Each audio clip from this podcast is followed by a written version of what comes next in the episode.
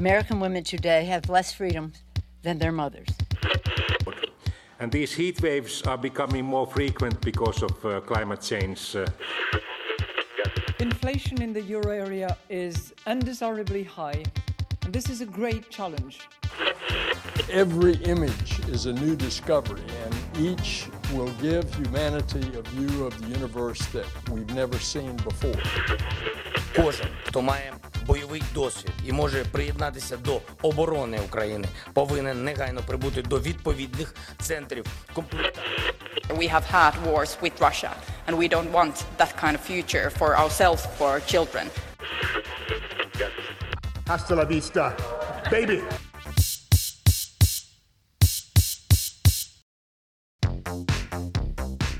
Þú ert að hlusta á heimskviður. Þáttunum það sem gerist ekki á Íslandi. Ég heiti Birta Björnsdóttir. Og ég heiti Sunna Valgerðardóttir. Í setni hluta þáttarins ætlum við að fjalla um ný afstæðanar þingkostningar í Danmörku. Hann Hallgrímur okkar Indriðarsson var í Kaupmannahöfn og ætlar að segja okkur frá því sem fyrir augur bar, frá kostningunum sjálfum, kostningabaróttunni og að sjálfsögðu úrslutónum. En við ætlum að byrja á þessu hér. Meira en 150 manns, lang mest ungt fólk, krömdust til dauða í miðborg Seúl, höfuborgar Suður Kóri um síðustu helgi. Fólki var að fagna rekkjavökunni, höfðu klætt sig upp í búninga því tilefni og planið var að vera þar sem stuðið var mest. Í teifón hverfið í Seúl er lifandi djamsuðu pottur, stútfullt af börum, skemmtistöðum og veitingastöðum þar sem eru líka þraungar og sjálfmerandi götur. Það var seint á aðfarnótt sunnundagsins síðasta, 29. oktober, sem þessar götur breyttust í dauðagildru. Hátt í 100.000 manns söpnuðust saman á allt of litlu svæði í miðborginni með hræðilegum afleiðingum. Lörglan í Seúl hefur byggðist afsökunar á því að hafa ekki brúðist rétt við, hafa ekki búið sér undir þennan fjölda, hafi ekki tekið til greina allan þann fjölda neyðarsýntala sem þeim bast frá því snemma um kvöldið að þarna væri alltaf stefna í óefni. Myndböndir frá kvöldinu eru hræðilega og óhugnarleg og sína öskrandi og grátandi ungt fólk er einn að berjast fyrir lífi sínu, kapnandi undan líkömmum félaga sína. Hátt í 200 manns særðust, sum lífsættulega. Þetta er mannskeiðasta slisi í Suður Kóriðu síðan ferjan M.Vafse Vol sökk árið 2014 með hátt í 500 farþega innanborðs. Þar af létust yfir 300 manns, mest ungt fólk. Sunna teku nú við.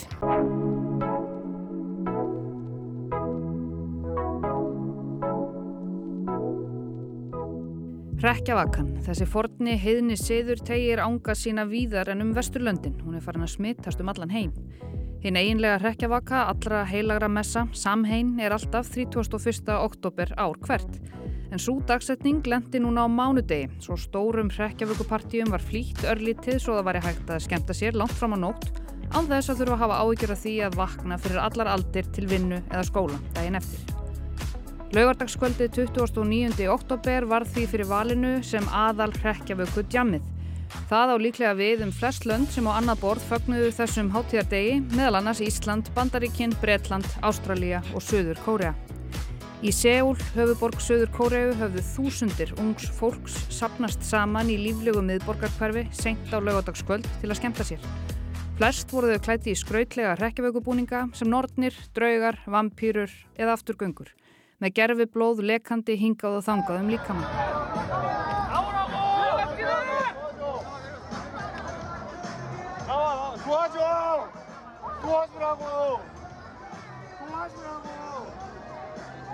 Hverfið sem umræðir í Taiwan er vinsælt skemmtistæðakverfi í Seúl með fjölmörgum, litlum, þröngum götum og skemmti og veitingastöðum við hvert fótmál.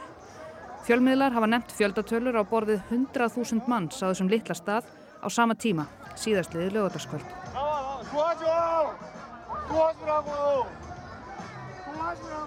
Samkvæmt myndböndum og færslum af samfélagsmiðlum þeirra sem voru á svæðinu þarna sést endalaus ströymur af fólki frá metróstöðinni þarna rétt hjá og út á göturnar, alveg frá því frekar snemma um kvöldið. Öll eru spennt, full tilhökkunar, klætti í óhugnarlega búninga en með brós á vör. Einn sem hafi sótt hátíðarhöldin þarna á svæðinu undanferðin ár og býri í nágræninu, sagði við fjölmiðla á sunnudeginum að þetta kvöld hafi mjög snemma orðið allt, allt öðruvísi en undanfærin ár. Hann sagði að þarna hafi verið einhvers konar sturlun, allt og margt fólk alveg frá því klukkan 5. Þá hafa hann einmitt hugsað með sér hvernig ætti þetta eftir að líta út klukkan 7, 8 eða jafnvel setna um kvöldið.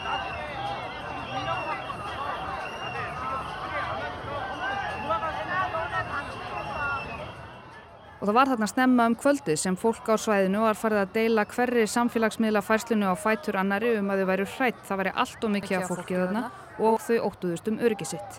Þetta var fyrir klukkan 6 á lögutaskvöldinu.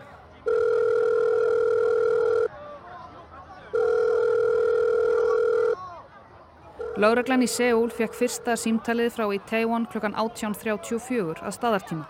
Þá voru enn nokkrar klukkustundir þar til hörmungarnar dundu yfir af alvöru. Innringjandin tilkynnti lauruglu þarna klukkan hálf sjö að þraung gata á svæðinu sé orðin afar hættulega vegna ofttróðningsfólk sem nær kvorkið að reyfa sig fram nýja aftur. En fólkið heldur áfram að streyma á svæðið, ítað þvögunni lengra upp og þetta og eftir að enda með því að fólk kremst undir.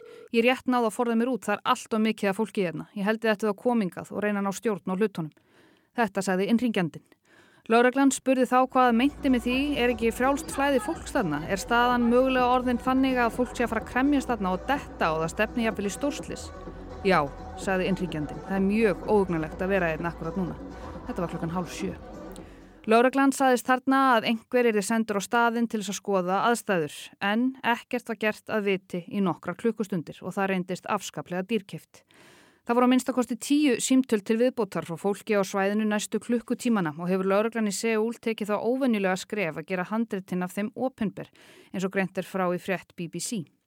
Öll símtölun sögðu svipaða sögu. Þetta var döðhrætt fólk að ringja inn það grátt bað laurugluna um að koma á svæðið og reyna ná stjórn og aðstæðum. Í bakgrunni heyrast svo öskur og óhugnaleg óp frá þúsundum ungs fólks.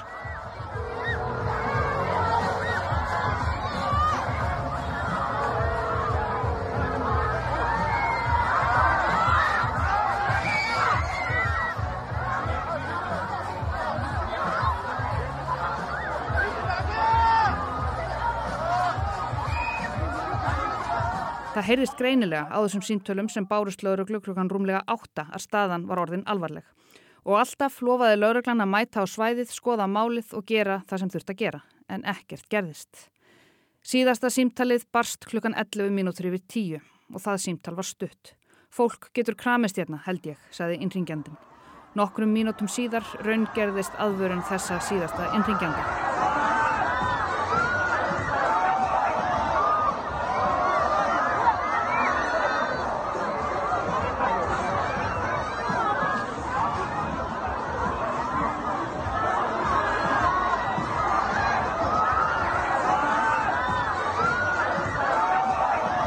Kortir yfir tíu duttu nokkrir úr þvögunni efst í brekku. Fjöldin byrjaði að þrýsta að miðju frá báðum hliðum sem gerði það að verkum að það var ógjörningur að komast burt. Fólk reynda að forða sér með því að klifra upp á byggingar í jæðrið þvögunar, sumum tóksta, öðrum ekki. Klukkan 24 mínútur yfir tíu tilkynntu slökkulismenn á staðnum að tíu manns hefði lengt undir þvögunni og átti í erfiðleikum með andardrátt. Þremu mínútum síðar komu fyrstu fjóri sjúkrabílarnir á staðin og fljótlega eftir þeim komu svo sex til viðbútar. Þetta er já klukkan að verða hálf 11. Munum að fyrsta símtalið barst lauruglu klukkan hálf 7, fjórum tímum fyrr.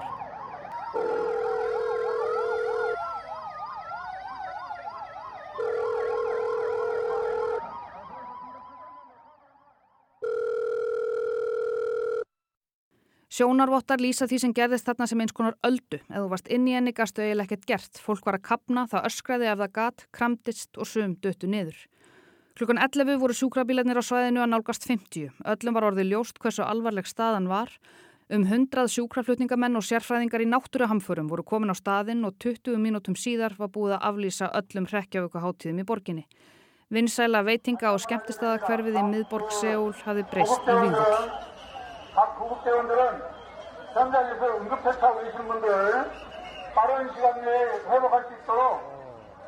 최선을 다해 주시고 그리고 그 구급차가 빠져나갈 수 있도록 통로 확보해 주시기 바랍니다.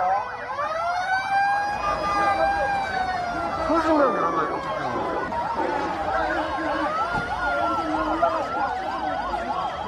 그 뒤쪽에 무창으로 도착한 Fyrsta döðsfallið var staðfæst klukkan hálf þrjú um nótt og þeim fjölgaði svo hratt. Fyrstu dánatölur þarna um nóttina voru 59 og þá voru talin um 150 slösuð. Klukkustund síðar um klukkan fjögur voru talin 120 látin og 100 slösuð. Þessi tala hjælt svo áfram að hækka, hægt og bítandi. Staðfest döðsföll eru nú 156. Slösuð er að minnstakosti 172 þar af týjir alvarlega. Lang flest þeirra sem létust voru ungmenni, flest frá Suður Kóru um 130 en fornarlömpun voru líka meðal annars frá Íran, Kína, Rúslandi, Japan, Austuríki, Bandaríkjónum, Ástralju, Fraklandi og Noregi. Um fjögur hundruð sjúkraliðar voru á svæðinu þegar mest var til að veita lífbjargandi aðstóð og flytja særða og látna á brott. Það sást á myndskeiðum frá Seúl hvernig þeim látnum var komið fyrir í líkbókum og götum úti á meðan björgunar fólk reyndi að koma þeim særðu til aðstóðar. Einhverjir sátu lengi fastir undir líkum af félögum sínum. Myndböndin frá þessu kvöldi eru vægast sagt óhugnanleg. Einhver af þeim örfáur sem höfðu lausar hendur í þvögunni náðu að setja snjálfsíman sinn á loft og ítá upptöku svo internetið er allt morandi af myndskeiðum af öskrandi ungmennum í klætt trekkjavökubúningum að kremjast til döður.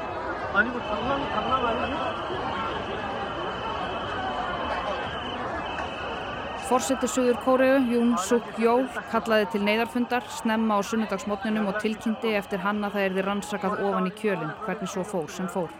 Hann lísti yfir viku langri þjóðarsorg. Ríkislauruglustjóri Suður Kóreu neyði sér djúft fyrir fréttamönnum og myndavélum áður en hann stegi í pontu á bladamannafundi í vikunni. Neyingin táknaði auðmygt og viðurkenningu á mistökum lauruglunar í málinu. Rannsókn er hafinn á viðbröðum hennar en yfirvöld hafa nú sagt að 137 lauruglumenn hafi verið á svæðinu þarna umrætt kvöld en það skiptir litlu máli þegar um var að ræða 100.000 manna stjórnlösa þvögu.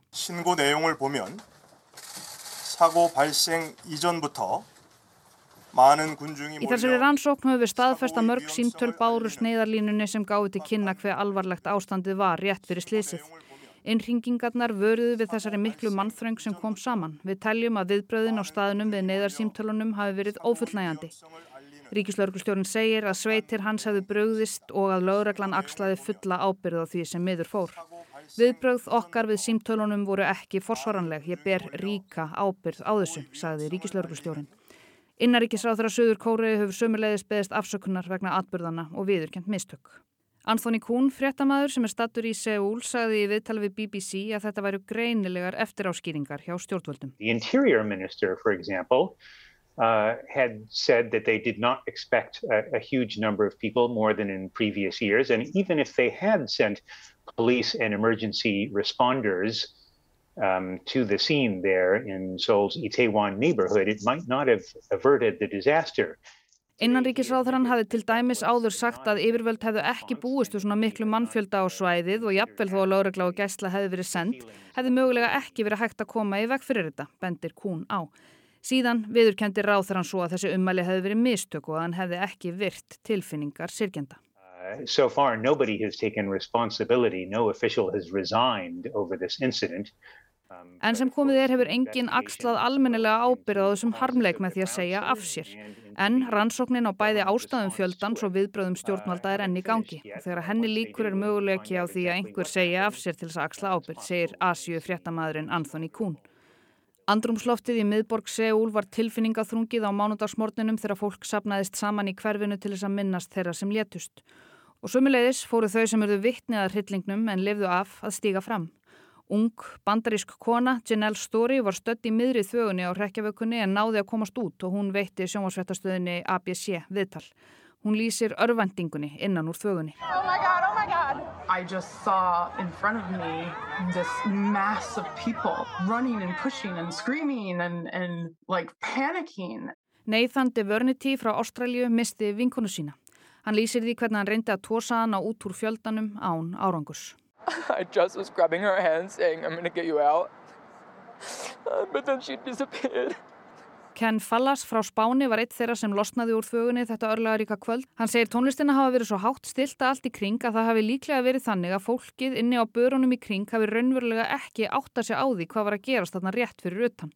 Að allt var morandi í meðvitundalösu fólki, fólki að deyja. Nobody, like, no one knew what was happening. There was a lot of people unconscious, like a lot of people. So they, they were moving them.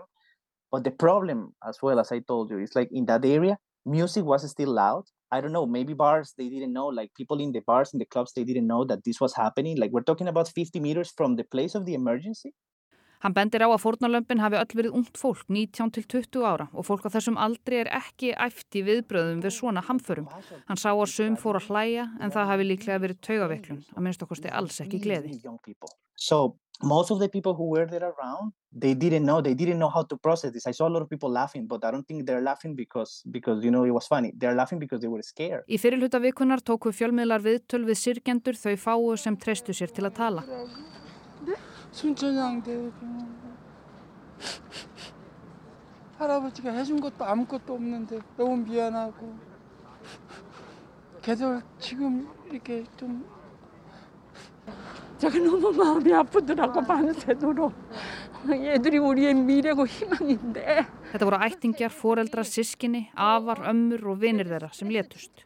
Sum spurðu hvernig svona hryllingur gæti eiginlega gerst. Við erum ekki einu sinni í stríði, sagði einn afinn. Hvernig gáttu yfirvöld verið svona kærulaus? Hvar var lágreglan? Allt eru þetta réttmættar spurningar. Ég ætla að ljúka þessum þætti með leiðbenningum sem erlendir fjölmiðlar hafa verið að byrta undanfarna daga, hvernig skal bera sig þegar maður festist í hættulegri þögu. Þetta tekið frá sjúkdóma og sótvarnarstofnun bandaríkina. Haltu höndunum fyrir framann brjóstkassan svo litið eins og boksari í varnarstöðu. Reynda að halda þér uppistandandi með því að viðhalda örugri fótfestu, ekki berjast á móti strömmnum.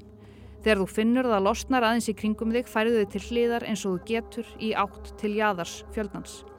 Ef þú dettur, skaltu rúlaður upp í bolta til þess að vernda höfuð, hrygg og fætur, reyndu að halda róðinni og standa upp eins fljótt og hægt er.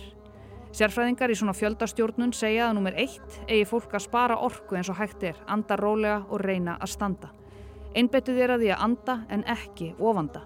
Í svona aðstæðum myndast mikill hiti af líkumum hinna og þingdin getur verið óbærileg og gert þér erfitt um vik að anda. En sparaðu súrefnið, reyndu að öskra ekki eða kalla á hjálp nema þú þurfið þess nöðsynlega. Vonandi kemur aldrei til þess að þið þurfið að rifja upp þessar leiðbenningar en sannarlega er allur varinn góður. Þó að svona hörmungar séu sem betur fer ekki algengar þá er ekki nema mánuður síðan 135 fótbolta áhorvendur letur lífið á Kandjúran fótboltavellinum í Indonésiu í tróðningi sem varð stjórnlaust þegar lauraglan beitti þar táragasi til þess að reyna að ná stjórn á fjöldanum. Sami, ótrúlega miklu fjöldi, 135, lérst sömu leiðis fyrir viku síðan þegar Morbi-brúin á Indlandi gaf sig og fólk kramdist til dauða undir hvert öðru. Sama dag létust 11 manns í þvögu á tónleikum í Kongo. Þannig að, þó að rekjavöku hryllingurinn í Seúl fari vissulega í sögubækurnar sem einn mannskæðasti tróðningur síðar í tíma, þá eru svona slis langt frá því að vera einstæmi og virðast geta gerst við alls konar aðstæður án mikils fyrirvara. Það var kosið í Danmörku á þriðudaginn var. Stjórnmálaskýrandi DR segir að þessar kostningar hafi mögulega verið þær mest spennandi nokkru sinni. Sveiflunar voru í það minsta miklar þegar törurnar byrtist með kvöldinu og nóttinni og endanleg útkoma var ekki alveg í samræmi við síðustu kannanir. Líklega vegna þess að það voru svo margir óákveðnir fram á síðustu stundu. Hallgrimur Indriðarsson fylgdist með kostningunum í Danmarku fyrir hönd fréttastofur úf. Hallgrimur, áður við byrjum á sjálfum kostningunum, e, þá fóstu nú á nokkra staði í aðdraganda þeirra eða ekki? Já, eigum við þá ekki að byrja á sunnundeginum uh, við Rúnar Ingi Garðarsson tökumæður sem var með mér við fórum á Ráðhústorkið uh, á sunnundagskvöldinu þar, og þar hefði fólk sapnast saman til að mótmæla háur rávorkuverði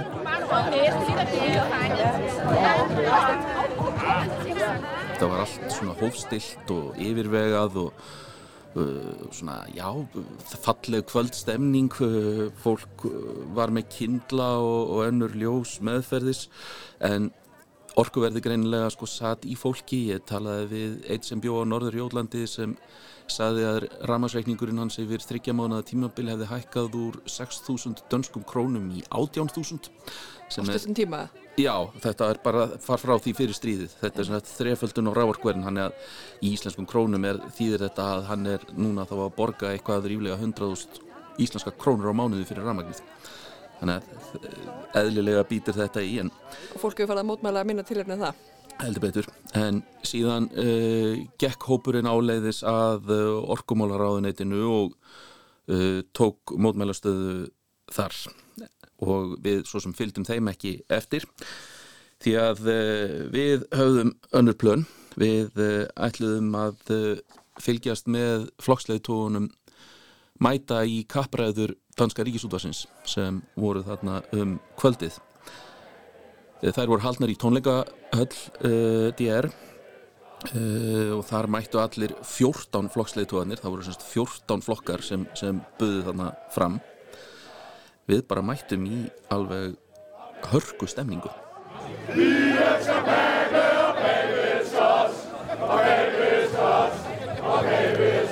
Þarna voru sem sagt uh, ungir stuðningsmenn uh, sagt flokkana með skildi og róp og köll og, og kvartningu mér leið bara eins og ég væri að uh, lappa inn á einhvern einhvern sko fótboltaleik milli tveggja nágranna liða. Kannski eðlileg samlíking það sem ég er nú mikill fótbollt áhuga maður en, en þarna voru liðin öllu meiri þannig að það var svona meiri káos í, í hrópunum. En stemningin alveg uh, frábær og, og í raun og veru það sem, það sem kannski ég tók líka eftir að það voru samt engin illindi á, á milli uh, stöðningsmanna flokkana Já, ég ætlaði um að spyrja út í það, við sáum myndirna sem að þið hérna, tóku þarna úti og það var mikið læti og svona hamagangur þetta var allt í góðu. Þetta var allt í mjög góðu og, og uh, sérst, engin kýtingur á milli menn bara voru eina keppin fólst í því að reyna að yfirgnæfa hinhópin en síðan náttúrulega svona jógst stemningin um allan helming þegar uh, flokksleitóarnir komu. Flokksleitóarnir heilsuðu bara upp á sitt fólk og, og hérna heyrum við til dæmis uh, stuðningsmenn íhaldsflokksins hylla sinn leitóa og kalluð þarna Pape Pape, hann heitir sem sagt Sören Pape Pólsen.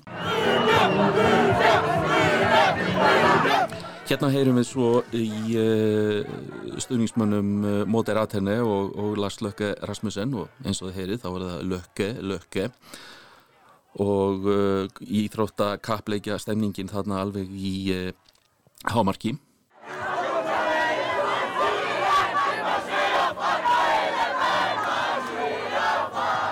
Þessir baróttu söngvarar eru svo aðeins flóknari, það var Jakob Ellemann Jensen leiðtói í venstri sem fekk þetta, þar voru með, með meira samsetta uh, söngva um uh, já, dugnað og ágæti sínsleitua. Meiri metnaði laður í þetta greinlega? Aðeins, já. Síðan kom uh, Mette Fredriksen en ég, ég sagt, sá að eftir áður áður en að hún kom þá uh, átti lögreglan mjög svona já, gott samtal við leðtoga stuðningshóps jafnaðamanna og þetta væntanlega helgast að því að Mette Freyríksen er fósættis á þeirra og það er svona gildað svona strángari öryggisreglur um hana.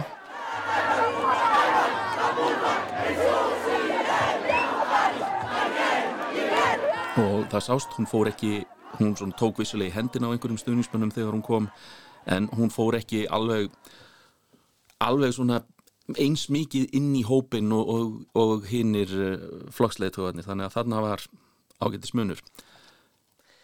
Og þetta var á sunnudeginum, svo kemur mánudagur, dagurinn fyrir kjörda og hvað gerðu leiðtóðarnir og þið þá? Já, uh, það voru aðra sjónvaskapræður um kvöldið uh, hjá TV2 en þetta var svolítið frábriðið því sem var til dæmis í, í Svíþjóð þar sem ég var og, og kannski af eðlilegum ástæðum Uh, það síðan var kosið á sunnudegi þannig að á laugadeginum voru uh, flokksleitóðanir mikið út af örkinni en þarna náttúrulega var kosið á þriðjudegi og mánudagurinn er, er vinnudagur. Þannig að menn voru ekkert sérstaklega mikið uh, allavega leitóðanir að, að halda einhverja fundi. En frambjöðundunir fóru hins vegar svolítið á vinnustæði Du er det. samme Ég tók einars hús á uh, einum af nýgræðingum í stjórnmálunum, Móniku Rubín, sem uh, var að bjóða sig fram fyrir Moderatene. Hún var fyrir utan sjúkrahúsið í Víðófri að dreifa bæði bleðlum og, og gefa kaffi. Og það er svolítið áhugaverð ástæða fyrir því að hún fór í stjórnmálinn. Hún hefur starfað sér læknir á, á sjúkrahúsi en hennar hugssjón er að bæta heilbreyðiskerfið og hún uh, fann því farveg í Moderatene, við skulum ekki gleyma því að þessi flokkur var bara stopnaður í fyrra og hún uh, mætti á svona sérstakka hugmyndafundi þar, heyrum aðeins í henni. Og der mødtes vi uge efter uge og snakkede politik, især sundhedspolitik. Så jeg har fået med, været med til at øh, udarbejde vores sundhedspolitik. Så Hún sagði að þarna hafið þau heist vikum saman, rætt meðal annars heilbreyðismál og þannig fikk hún tækifæri til að taka þátt í, í að móta heilbreyðistefnu flokksins. Og hún sagði að þetta hefði verið einstak tækifæri fyrir hana, hún gæti þá notað í raun og veru sinn starfsvettvang og sína mentun í stjórnmálinn og hún tekur þarna fram, hún hafði aldrei verið í neinum stjórnmálflokki áður en það er svo rétt að geta þess að, að hún komst inn svo inn á þing og var það einn af 16 þingmönnum uh, móti rættinni. En við kíktum svo á fund í, í, á Vanlöstorkinu og þar hafði Mette Fredriksson bóðað komið sína síðdeis og hann óvægt að segja að henni hafi verið bísna vel fagnað.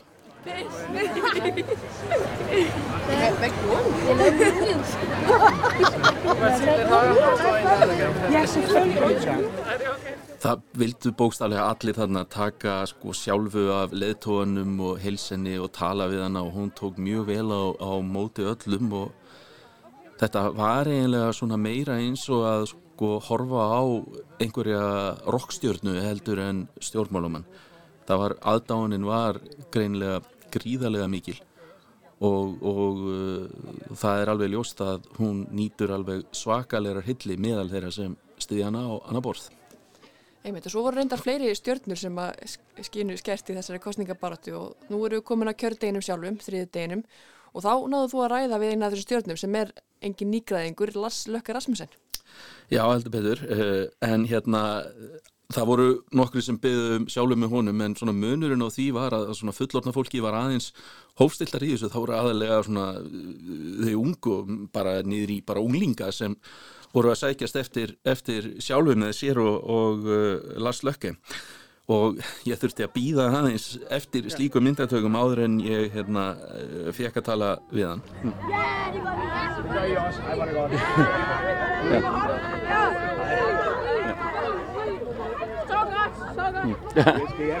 Ja. Ja. Et spørgsmål, Lars. Kan du at være... Hej. Kan du over at være helseminister i en ny regering? Jamen, jeg er slet ikke... Det er alt for tidligt, men altså... Og þetta var á kjörstað sem þið náðu á hann eða ekki? Þetta var, var, þetta var á kjörstað, hann var að kjósa, hann, svona eins og aðrir, tóku daginn snemma og, og þarna er hann semst að segja, ég spurði hann að því hvort hann hefði áhuga að vera heilbriðisráð þeirra því að heilbriðismálinn hafi verið hans hjartansmál og hann reyndar þarna útskýri það og í, með þeim fyrir var að það væri nú allt og snemt að segja til um það hvort hann yrði í, yrði í ríkistjórn en útskýri það að hann hefði fengið verðlaun frá Danska krabbaminsfélaginu fyrir að uh, berjast, uh, berjast gegn krabbaminni og, uh, því, og, og það var alveg, alveg greinilegt á þessu svari að, að heilbreyðismálin eru svolítið stóra, stóra málið fyrir honum. Einmitt og þá þegar þau voru öll búin að greiða atkvæði þá að komið að því sem að flestir býða eftir sem eru kostningavökunar og þær voru nú margar á sama stað ólíkt í til dæmis sem er hér heima. Já og þetta hefur verið svona um nokkuð skeið bara flestir flokkarnir eru með sínar kostningavökur í uh, sölum í uh, Kristjánsborgar höll og þeir eru nú ansi margir salitnir þar uh, þannig að það var þetta þægilegt fyrir okkur fjölmiðlamennin að geta bara svona lappað svona á milli og, og, og kíkt á, á stemninguna. En kjörstöðum lokaði sem sagt klukkan 8 uh, og þá komu bæði TV2 og HDR með útgöngusbár og við vorum í húsakinnum eða salarkinnum jafnaðamanna þegar TV2 spáin kom, hún kom aðeins á undan og þar var sagt, spáinn svo að hvoru blokkin fengi meiri hlutar líkt og menn höfðu reikna með að gæti og þetta staðan. Rauða blokkin fekk 85 þingmenn og bláa 73 það er 90 til þess að meiri hluta. En uh, jafnaðamenn voru ekkert sérstaklega sáttir við þessa spáð því að þarna voru þeir með 23% fylgi. Ef að það hefði orðið niðurstaðan þá hefði þetta orðið versta útkoma jafnaðamanna í 100 ár þarna, þarna heyrist bara skvaldur og, og ekkert sérlega mikill fögnuður í, í gangi hjá jafnaðamennum og það batnaði ekkert þegar spáti er komið, hérna bara skömmu setna en uh, Við náðum þarna tali af uh, Magnús Hóinike uh, sem er heilbreyðisáðura og þingmaður jafnaðamanna og hann var nú samt nokkuð brattur þegar útlitið var svona. Jamen, det, det her har jeg håbet på, og i øjeblikket ser det ud som om, der er et mandats øh, forskel, så det er jo uhyggeligt øh, tæt, og det kan selvfølgelig godt rulle til frem og tilbage. Hann vísaði í útgöngusbá sem síndi að reyndar að aðeins þyrsti eitt þingmann til að rauðablokkin uh, fengi meiri hluta og þá var hann að vísa og þá var þarna orðið ljóst að það erðu þrýra fjórum þingmannum færinga og grænlendinga sem myndu enda í rauðablokkinni og hann sagði já þetta er þess vegna tæft en, það, en hann talaði ennþá um aðalmálið að mynda stjórn yfir miðjuna sem sagt að það er ekki bara vinstri blokkin, það væru svo mörg vandamál og það þýrtu allir að leggjast á eittum að, að leysa þau. Einmitt.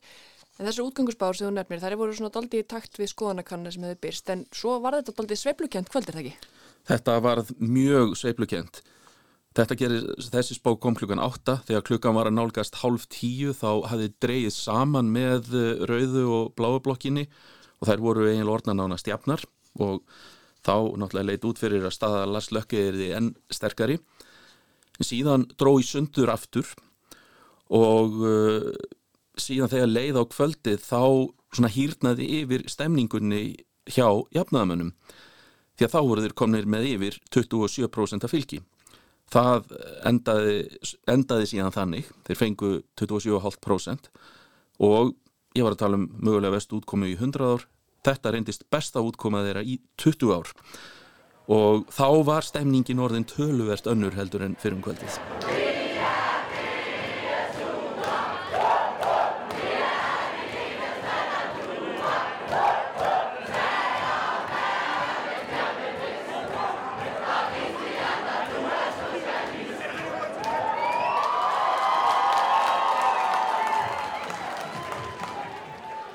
Auðvitað misjamt svona hver svörin eru þegar spurt um sigurvegara kostingana og allir kannski með ólík svöru því en svona hver er þínum mati, hver eru mestu sigurvegarannir?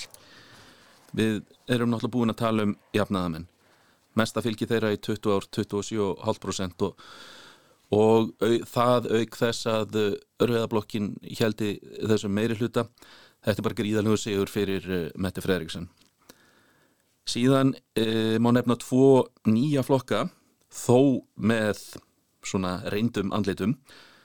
Að sjálfsögðu moderatinni með Lastlöka Rasmussen í broti fylkingar, hann fekk 9,3% og, og 16 þingmenn. Og þó að Lastlöka hafi ekki náð þessari kannski líkilstöðu sem menn byggustu við og hann hefur sjálfur öruglega vonast eftir, þá hefur, er þetta gríðarlega góður árangur. Og það sama má segja um flokkin Danmörkur Demokratana sem er svona populískur flokkur Inger Stauberg leiðir þann flokk sem var varaformaður venstri í upphafi kjörtímanbilsins. Þessi flokkur fekk 8,1% og 14 þingmenn og notabenni þessir tveir flokkar náttúrulega eru báðir kloppingsframbóð úr, úr venstri eða stærsta hæri flokkunum. Síðan þarf að minnast á frjálslindaflokkin. Uh, hann uh, eiginlega fór með heiminskautum. Hann var með fjóra þingmenn fyrir þessar kostningar bætti þessi tíu munum og er núna með 14. Jeg tænkte først, bare jeg ikke møder Mette Frederiksen, så mødte jeg en, der er endnu værre end hende. Den der klovn. Sikkert paphoved. Þessi flokkur uh, hafði þá sérstuðu að hann rak sína kostningabaróttu greiðlega mikið á samfélagsmiðlum. Notaði mikið Twitter, Instagram og TikTok. Leðtógin uh, Alex Vanopslag var mjög áberandi í þessum myndböndum. Og með þessu tókst flokknum og honum að ná mjög vel til ungsfólks og í einhverju könnun sem ég sá þá var flokkurinn með mest fylgi e, þó að það hafi ekkert munið óverlegu held ég 15-16% e, hjá e, kjósendum á aldrinum 18-34 ára. På søndag der spiller jeg Warzone på Twitch.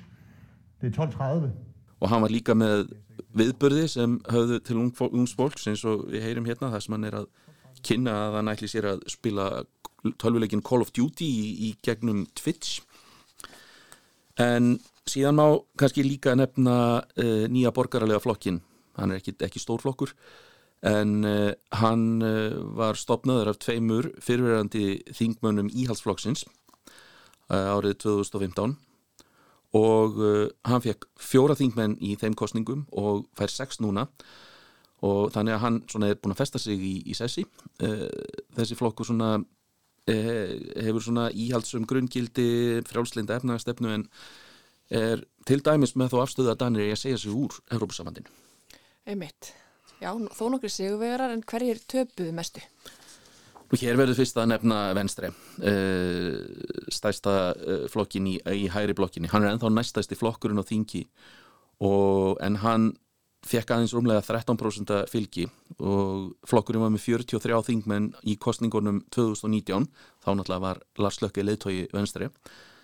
En þingmennum fækkar um 20 og eru núna með 23 þannig að hann tapar næstu því helmingnum af, af þingmennunum og Jakob Ellemann Jensen var spurður eftir þetta hvort hann ætlaði að segja af sér en hann taldi að það væri á sína ábyrð að hýfa flokkinu upp aftur Svo getum við nefnt íhaldsflokkin, hann uh, fór úr tíu þingmennum í átta og fekk 5,5% fylgi, þetta ljóma kannski ekki sem mikið tap, en fallið er daldi mikið í ljósi þess að í sumar tilkynnti leðtógin Sören Pape Pólsen að hann vildi vera fósatisráður að þá var flokkurinn með um 16% að fylgi í könnunum og, og hafi mælst uh, já, stærri heldur en venstri, en uh, þetta hefur ekki gefist vel því að fylgið hefur bara hrunið bókstálega af flokknum síðan út af ímsum uh, málum. Og síðan verður að refna radikali venstri uh, leiðtói uh, flokksins Sofí Kastin Nílsen hún eiginlega ber ábyrð á því að það er kosið, þetta, kosið á þessum tíma en ekki í júni á næsta ári eins og átti að gera.